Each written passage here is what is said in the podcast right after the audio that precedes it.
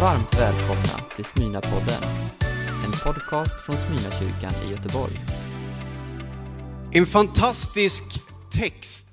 Och man skulle kunna säga, plötsligt händer det.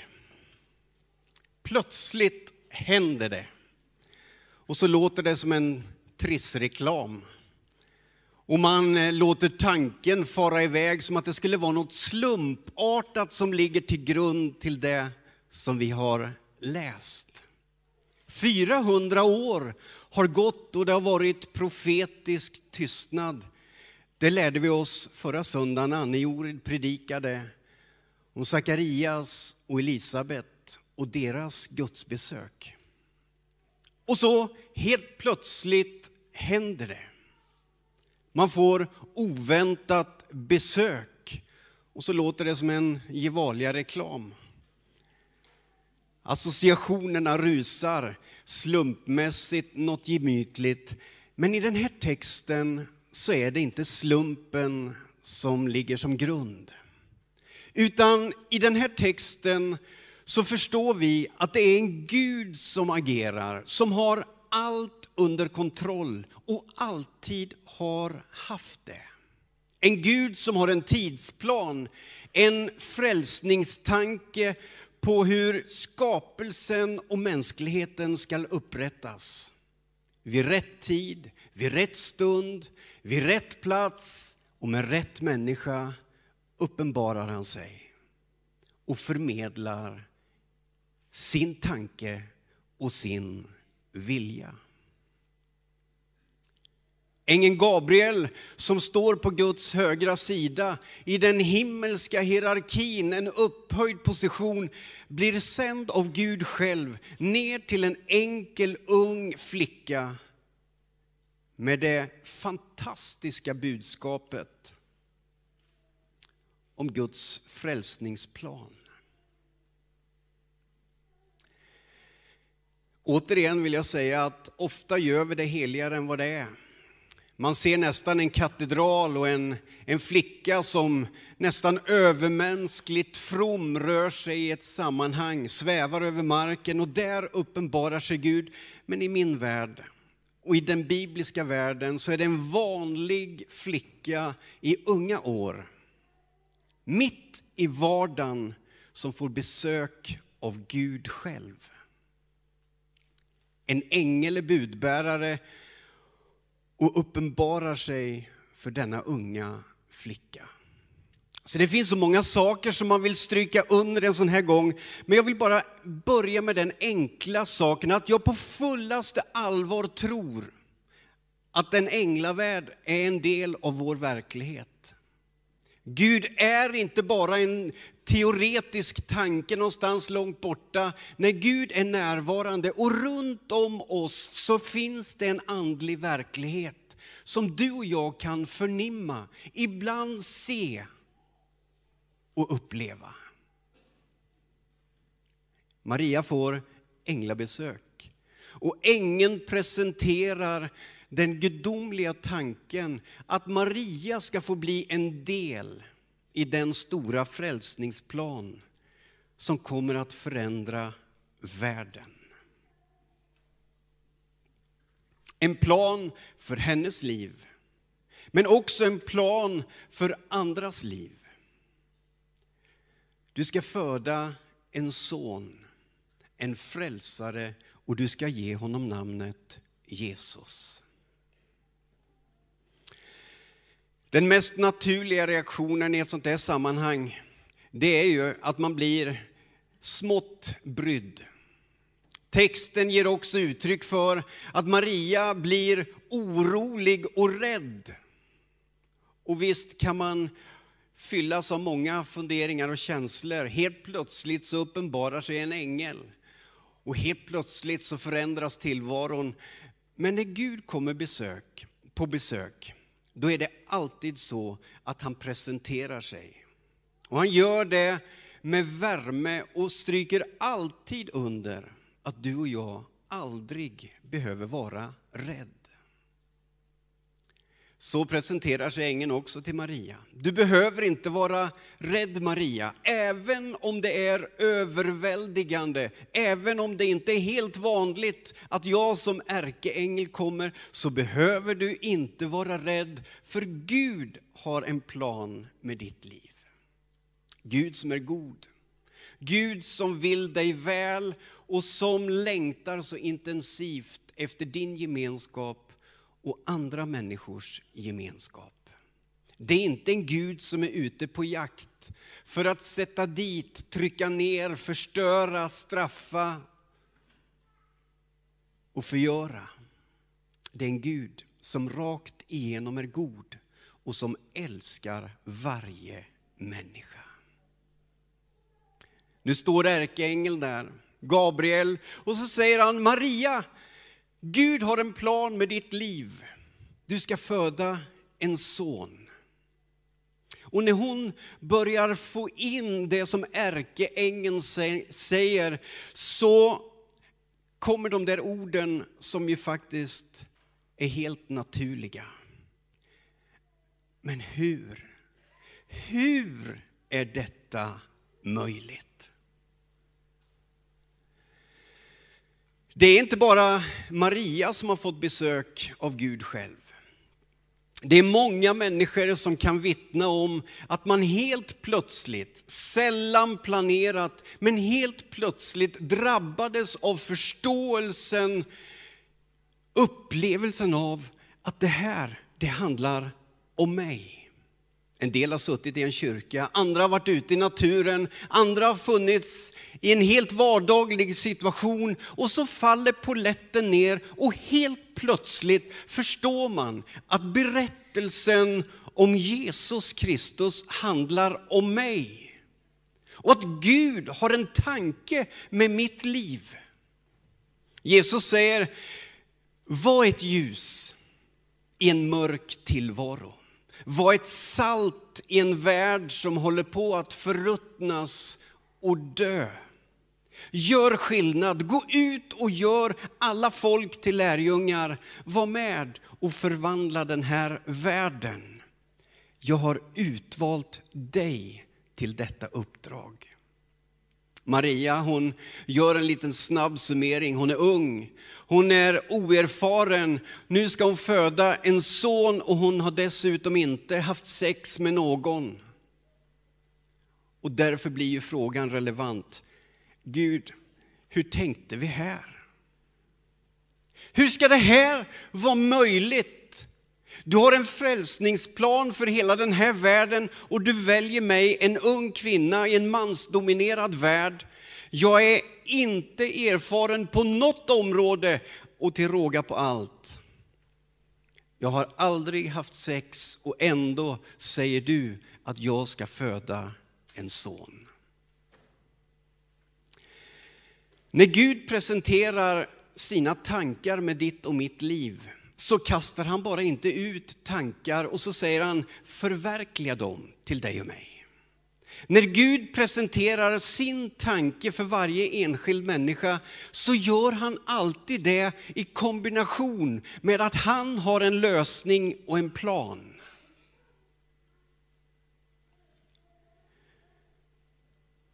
Helig ande ska komma över dig, Maria.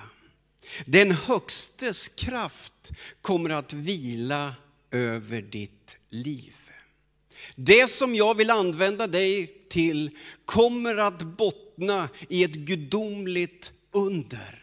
Ett mirakel, för på mänsklig väg är det omöjligt att det som ska ske kommer att ske. Maria, var inte rädd. Var helt lugn, för det är Gud som talar och han vill låta sin ande röra vid din kropp och en son ska bli till genom andens beröring. Därför är Jesus sann Gud, men också sann människa. Tillkommen av helig ande, född av en människa, en vanlig kvinna. Så blir Jesus en av oss. Hur ska det ske, säger Maria. Jag är den jag är och du har så stora planer. Hur är det möjligt?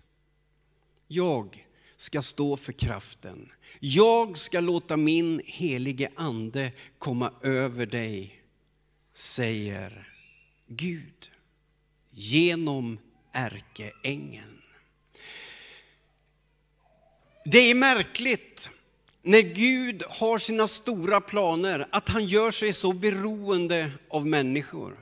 Och när man läser Bibeln så ser man gång på gång att människorna hamnar i den här situationen när man väl förstår de stora planerna som Gud har för enskilda människor så flyter tanken och frågorna upp till ytan och så kommer de, men Gud, om du har en sån fantastisk plan, varför vill du använda mig? Jag tänker den rätt så ofta. Och ju längre livet går, ju större blir den tanken, för ju bättre känner jag mig själv. När man var ung så var man ju lite naiv och man var nästan odödlig i tanken. Man var stark, man var rapp, man ville se saker hända. Men ju mer livet går så inser man ju, hallå eller? Jag är ju en vanlig människa med fel och brister. Och nu säger du Gud att du vill att jag ska vara en del av förändra den här världen, en del av Göteborgs förändring. Är det helt orimligt att tro att Gud skulle vilja att 20 procent av göteborgarna varje söndag går för att fira gudstjänst? Räkna hur mycket människor det vore. Eller 30 procent eller 40 procent. Jag har utvalt dig att gå ut i den här världen och vara ett ljus. Jag har kallat dig för att du ska göra skillnad i den miljö där du finns. Hur ska det vara möjligt? Hur skulle det vara möjligt att du skulle vinna den gata som du bor på? Eller den arbetsplats som du arbetar på? Hur skulle det vara möjligt att en liten församling som Smyna församlingen skulle kunna förändra en hel stad? För det är ändå det Gud säger. Jag ska komma över dig med helig ande. Jag ska fylla dig med kraft och jag ska göra mirakler i ditt liv. Allt som oftast så vänder jag på tanken och så tror jag att själva insatsen i det här sammanhanget, det handlar om att jag ska samla så mycket tro så att jag kan begära av Gud det som han ska göra för att mina mål ska uppfyllas i min tillvaro. I min bild av vad ett kristet liv är. Och när jag läser den här texten så ser jag att i det första skedet så är det Gud som har ett plan med mitt liv. Han presenterar den och han säger, jag ska ge dig vad du behöver. Och min plan är större än din plan. Min plan är större än din förmåga. Därför ska jag fylla dig med helig ande och kraft. Gud hörde israeliternas rop i Egypten. De var fångna, de var slavar och de ropade till Gud om nåd. Har du övergivit oss? Har du vänt oss ryggen? Våra barn, vår framtid slås i spillror. Gud som hör varje bön och som aldrig kommer för sent kommer i rätt tid till Mose och så säger han, jag har en stor plan för ditt liv Mose. Jag vill att du ska föra mitt folk ifrån slaveri ut i frihet. Ett folk som präglas och plågas vill jag ska föras ut i en ny dimension, i en ny framtid. Jag har hört deras bön. Mose svarar Gud efter att ha hört hans stora plan. skulle en sån som jag vara en del av denna plan. Ett fosterbarn i ett främmande land och dessutom med alldeles för hett temperament och med ett mord på sin meritlista. Hur tänkte du här, Gud? Är det mig du ska använda för detta enorma att föra ett helt folk ut i frihet? Hur tänkte du nu? Och sen är det Gud som kliver fram och överbevisar och talar tröst till Mose. Jag ska låta min kraft vila över ditt liv.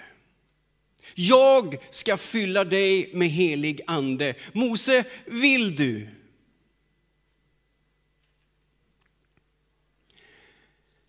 När Gud planerar att förändra staden Sykar och få evangelium att genomsyra den staden så väljer han en ensam utstött kvinna.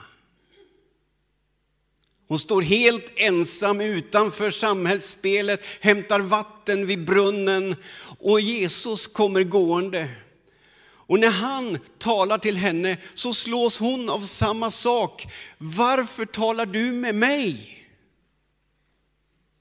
Gud, jag, en enkel vanlig kvinna som ingen egentligen vill ha med att göra. Och så gör Gud det han alltid gör. Var inte rädd. Lyssna vad jag har att säga. Och så börjar ett samtal som är livsförvandlande mellan Jesus och kvinnan.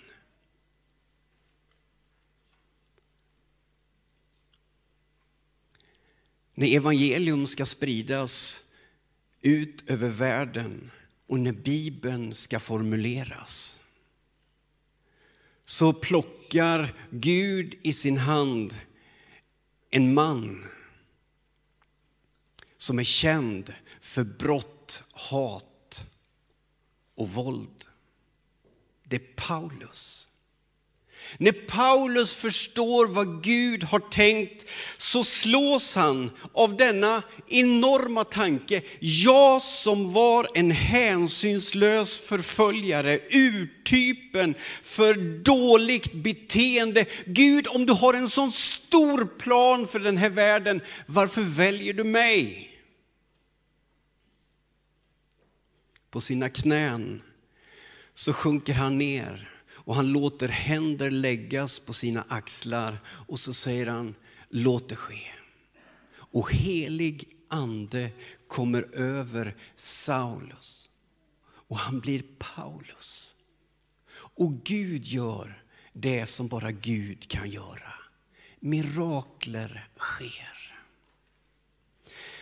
När vi läser den här texten om Maria så får det inte bara vara en vacker vacker jultext som vi gång på gång, år efter år återkommer till. Det måste få koka ner till denna enorma utmaning som evangeliet faktiskt rymmer. Gud har en frälsningsplan för den här världen och han väljer att använda människor för att få den genomförd. Han utrustar vanliga människor som du och jag för att vi ska få vara med om att den här världen förändras. Därför är alla inbjudna i detta stora uppdrag. Helt plötsligt händer det att människor på olika platser, vid olika tillvaror eller eh, sammanhang får upp ögonen för att det här handlar ju faktiskt om mig. Helt plötsligt drabbas jag av att Gud talar till mig på ett eller annat vis och jag förstår att han vill att jag ska bli en del av detta. Men tanken svindlar bara vid det att jag ska leva ett liv tillsammans med honom som gör skillnad. Du ska vara ett ljus i en mörk värld som får den här världen att förändras. Hur ska det gå till? Ja, det bygger på mirakler. Det är det som livet tillsammans med Gud i grunden öppnar upp för. Gud som är allsmäktig, stor, kraftfull, som har skapat himmel och jord. Han har inte lämnat sin skapelse, han har inte lämnat mänskligheten. Han tänker upprätta den och skapa den på nytt igen så att den blir vackrare än någonsin. Hur ska det gå till? Jag ska låta min helige ande komma över dig och mirakler kommer att ske. Du behöver inte jaga, blåsa upp dig, försöka samla en stor mängd av tro för att det ska börja ske. Gud har lovat att utrusta den som ställer sig till förfogande. När Maria hör ängeln tala så måste resonemanget bränna i huvudet på henne. Men det landar i det som är helt avgörande. Om du tror på mig, Gud, om du tror på mig, jag en ung kvinna, om du har så stora eller planer för mitt liv, vem är väl då jag att säga nej? Här är jag. Du får mitt liv, min framtid, min familj, mina förmågor, mina gåvor. Gud, låt det ske som du har sagt. Jag förstår inte riktigt vad Gud har tänkt till fullo med mitt liv. Och jag är säkert inte så ensam. Jag vet inte om du ser den stora planen eller om du ens har förstått att du ingår i planen. Men jag har bestämt mig för att jag vill ge det jag har här och nu till Herren. Jag kan inte göra mer.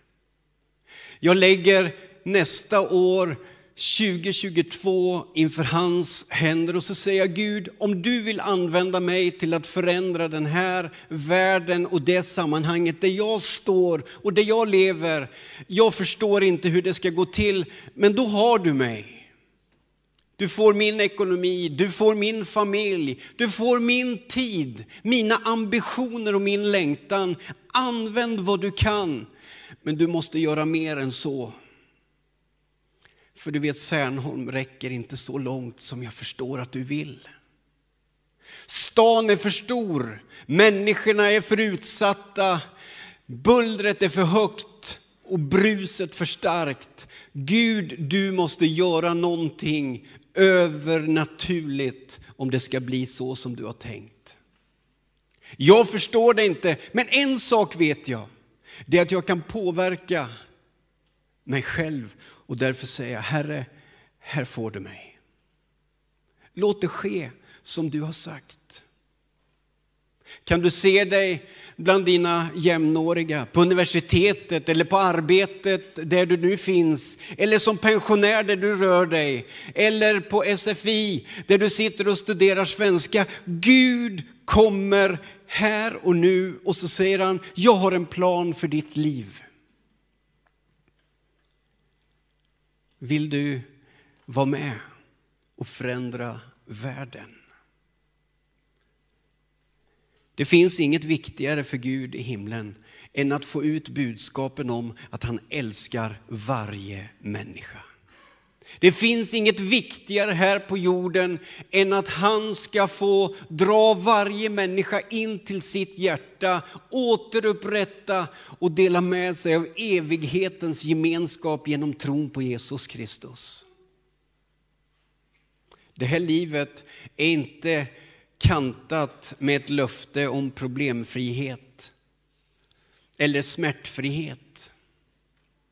Maria fick se miraklet ske, men hon fick också se sin son misshandlas och avrättas på ett kors.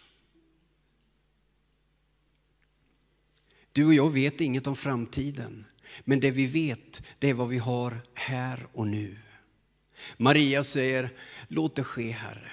Om det är du som talar till mig den här dagen, du får allt det jag har. Lite eller mycket, du får det allt sammans. Jag vill ge dig nästa år, nästa vecka, den här dagen och morgondagen. Kom med din heligande. Och så på slutet i texten så är det precis som att Gud vill bara stryka under och så säger han, du vet du är inte ensam om att vara en del i det här teamet som jag samlar nu. Jag har varit hos några släktingar innan. Du vet Sakarias och Elisabet, detta omöjliga projekt, för gamla, ofruktsamma, men ändå längtande och trogna. De har jag utvalt. Och Maria, hon måste ju...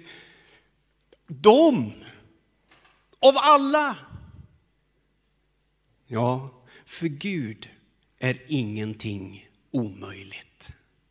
Därför tar han ett gammalt pensionärspar och så ser han till att det blir liv i deras halvdöda kroppar, om man uttrycker sig lite bryskt.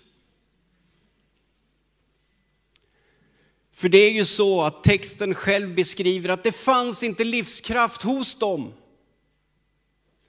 Men för Gud var inget omöjligt. Därför börjar livet att vibrera i deras kroppar och triumfen är ett faktum. Johannes döparen föds och vi talar om dessa mirakler i årtusenden senare. Varför då? För att de var bättre än du och jag? För att de var större än du och jag? Nej, för att Gud är Gud och han väljer vanliga människor och så gör han sin grej genom den som tillåter sig användas och förvandlas. Den här förmiddagen vill jag bara stryka under det som man under så många år har lärt barn i söndagsskolan som är grundläggande i den kristna tron. Det finns en Gud som är levande verksam, som inte har vänt sig bort från sin skapelse utan som i rätt tid, på rätt plats väljer människor för att förvandla den här världen genom sin frälsning. Gud, här är jag. Du får mitt liv. Låt det ske som du har sagt. Ska vi be tillsammans?